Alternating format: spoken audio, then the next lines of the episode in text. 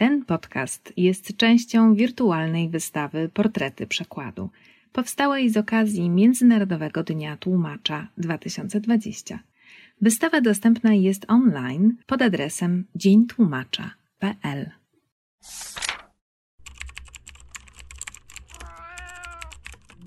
Na przykład podcast Stowarzyszenia Tłumaczy Literatury.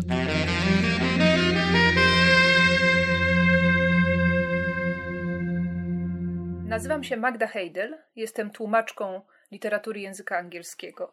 Chciałam opowiedzieć dzisiaj o książce poetyckiej autorstwa irlandzkiej poetki Sinead Morrissey, który w oryginale nazywa się On Balance, a w moim przekładzie O równowadze.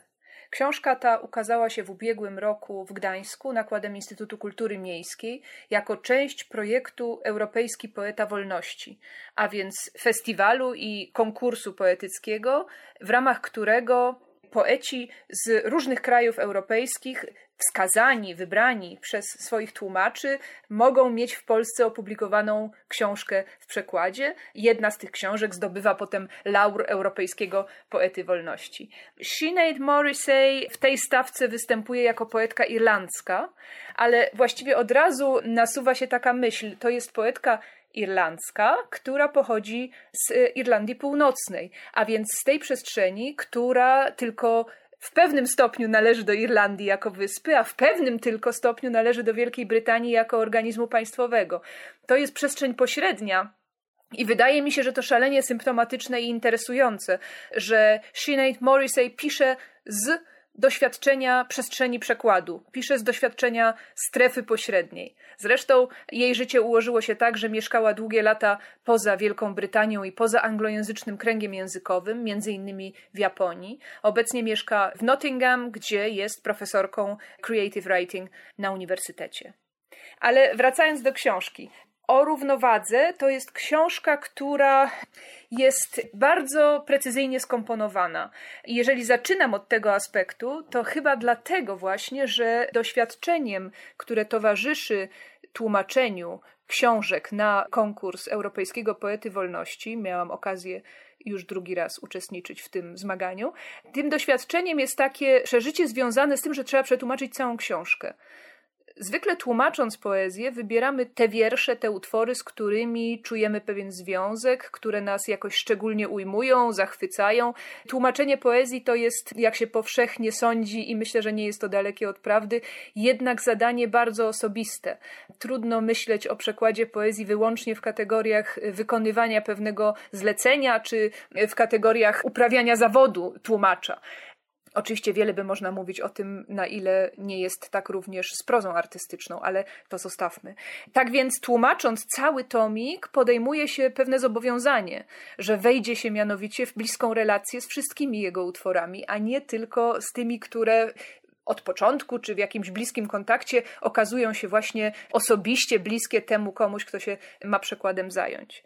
I to jest trudne w ogóle nie ma co udawać. To jest bardzo trudne, że nie samemu komponuje się tę książkę, tylko jednak idzie się za kompozycją założoną przez kogoś innego.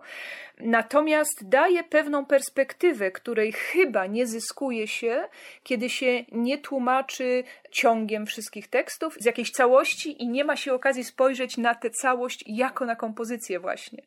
Tymczasem ta książka, która zawiera utwory dotyczące bardzo różnych obszarów doświadczenia, bardzo różnych kontekstów, która sytuuje wiersze w bardzo różnych miejscach, ta książka jawi się mi teraz po tym doświadczeniu jako kompozycja niezwykle precyzyjna, splatająca wątki przeróżne właśnie w pewien stan równowagi.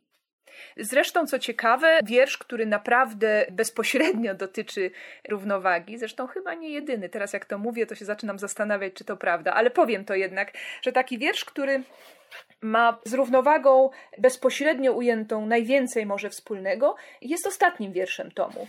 Jest to wiersz nawiązujący do średniowiecznej księgi, zawierającej opisy i rysunki fantastycznych maszyn, które zostały skonstruowane przez Ismaila al-Jazariego ze wschodniej Anatolii. To jest dzieło wczesnej myśli inżynierskiej, które zawiera nie tylko takie fantastyczne właśnie wyobrażenia o maszynach, ale przede wszystkim udowadnia istnienie pewnych prostych i do dziś wykorzystywanych praw fizyki. Więc ta chybotliwa równowaga między fantazją kojarzoną z dawnymi wiekami, a rzeczywistością, inżynierią, czymś bardzo uchwytnym, być może właśnie wcale nie poetyckim. W tym wierszu daje takie podsumowanie wątków, które przez całą książkę, jak mówiłam, splatają się bardzo konsekwentnie.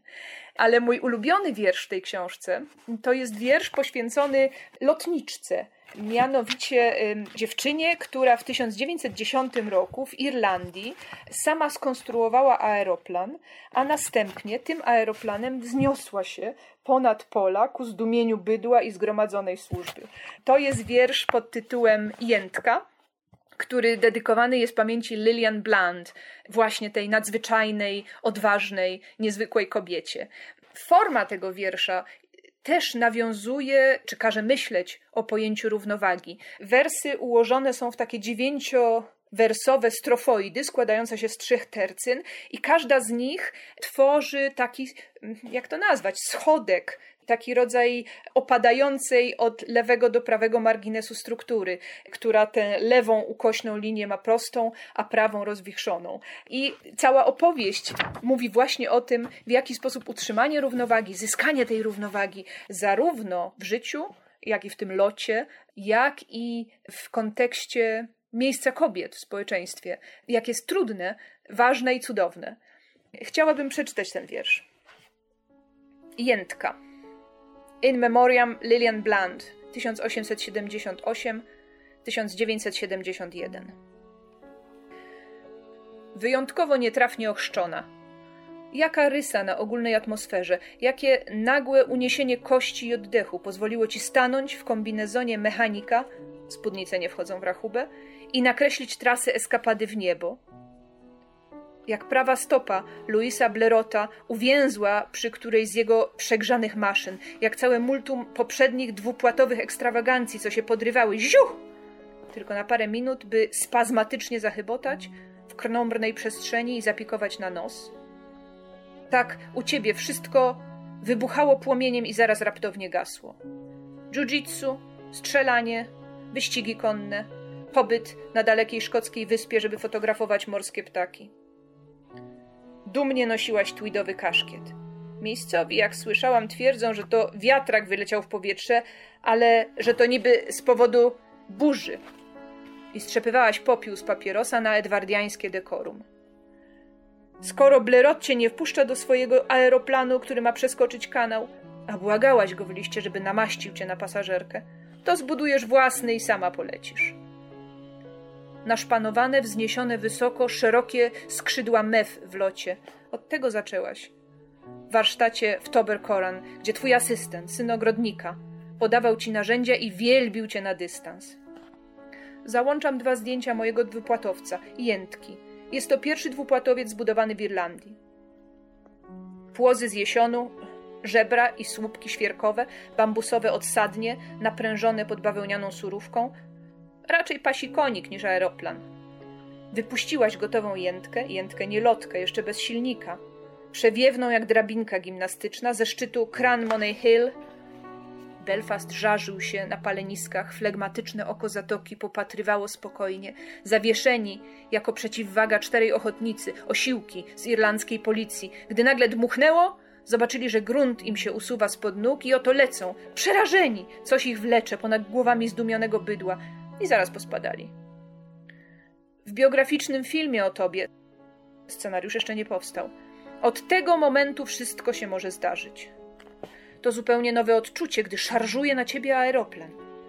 Silnik o dwóch przeciwległych cylindrach, prócz niego butla po whisky i trąbka dla głuchych zostają zamontowane, a Lord O'Neill z Randallstone Park pod wrażeniem twoich wyczynów oferuje swoje płaskie grunty na hangar i miejsce pierwszych startów. Silnik jest pięknie wyważony, niemniej jednak wibracje są kolosalne. Muterki tak tańczą, że aż się luzują. Zawsze miałaś bzika na punkcie wymian. Szybowiec na aeroplan, aeroplan na samochód, Anglia na Irlandię, Irlandia na Kanadę. Wiedziałaś, że ta właśnie jest najbardziej łatwopalną ze wszystkich twoich wymian. Samotny byk stojący apatycznie pod krzakami głogu na skraju pastwiska pospieszne szczebioty i błyski z żywopłotów. I takie baldachimy wierzbowego blasku, że w końcu można już było zacząć. Więc gdy się usadowiłaś na pochyłym siodełku i puściłaś w ruch te niewiarygodne koła od wiktoriańskiego wózka, ujrzałaś gromadkę parobków i praczek, którzy zebrali się uprzejmie, by ci życzyć dobrego lotu w niebo. Kiedy się zakończył, biegiem rzuciłaś się z powrotem ku dowodowi, że to się zdarzyło. Był ślad przejazdu po roziskrzonej trawie, a potem już go nie było. Brak śladu twojej stopy na całą długość furlongu, jakby olbrzym uniósł but a potem znowu go postawił.